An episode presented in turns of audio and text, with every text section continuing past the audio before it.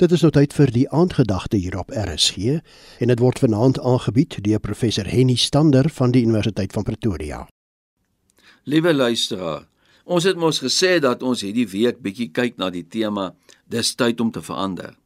Vanaand kyk ons na die nodigheid om ons woorde, ons gesprekke, dit wil sê hoe ons praat te verander. Ons hou daarvan om te vertel dat ons reguit is, dat ons geen moordkuil van ons hart maak nie dat mense presies weet wat hulle in ons het en met al hierdie soorte uitdrukkings probeer ons om dit te regverdig dat ons met skerp woorde ander kan seermaak.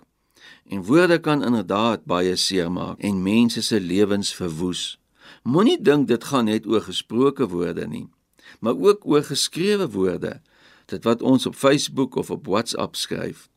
Dikwels is dit mense wat die naaste aan ons leef wat die seerste kry deur ons woorde. En moet vir geen oomblik dink dat dit net ander mense is wat deur ons woorde verwond word nie.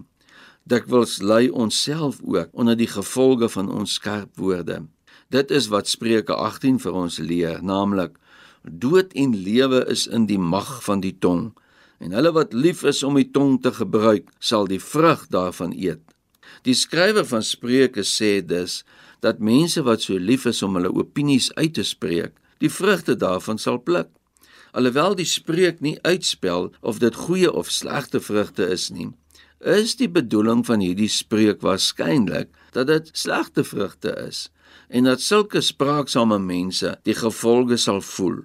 Mense se woorde kan mos sleg boemerang, veral as jy iets in woede gesê het. Dit het dalk tyd geword dat ons ook ons woorde en ons gesprekke sal verander. Paulus gee vir ons goeie raad wanneer hy in Kolossense 4:6 vir ons sê: "Julle woorde moet altyd van goeie smaak getuig, met sout besprinkel, sodat julle kan weet hoe om in ieder en elk te antwoord." Sout maak dat kos lekker smaak. Dit is wat Paulus sê, hoe mense ons woorde en ons gesprekke moet beleef. Dit moet nie mense afstoot nie, maar dit moet vir ander mense lekker wees om na ons te luister en ons gesprekke moet opbouend wees. Ons gesprekke moet ook sodanig wees dat mense kan agterkom dat ons 'n verhouding met God het sonder dat ons dit vir hulle hoef te sê.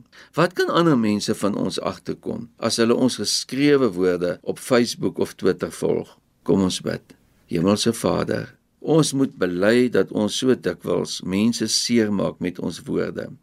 Vul ons vanaand weer met u gees sodat ons woorde kan spreek wat helend is. Woorde wat ander mense se lewens kan opbou en woorde wat mense na u toe sal trek.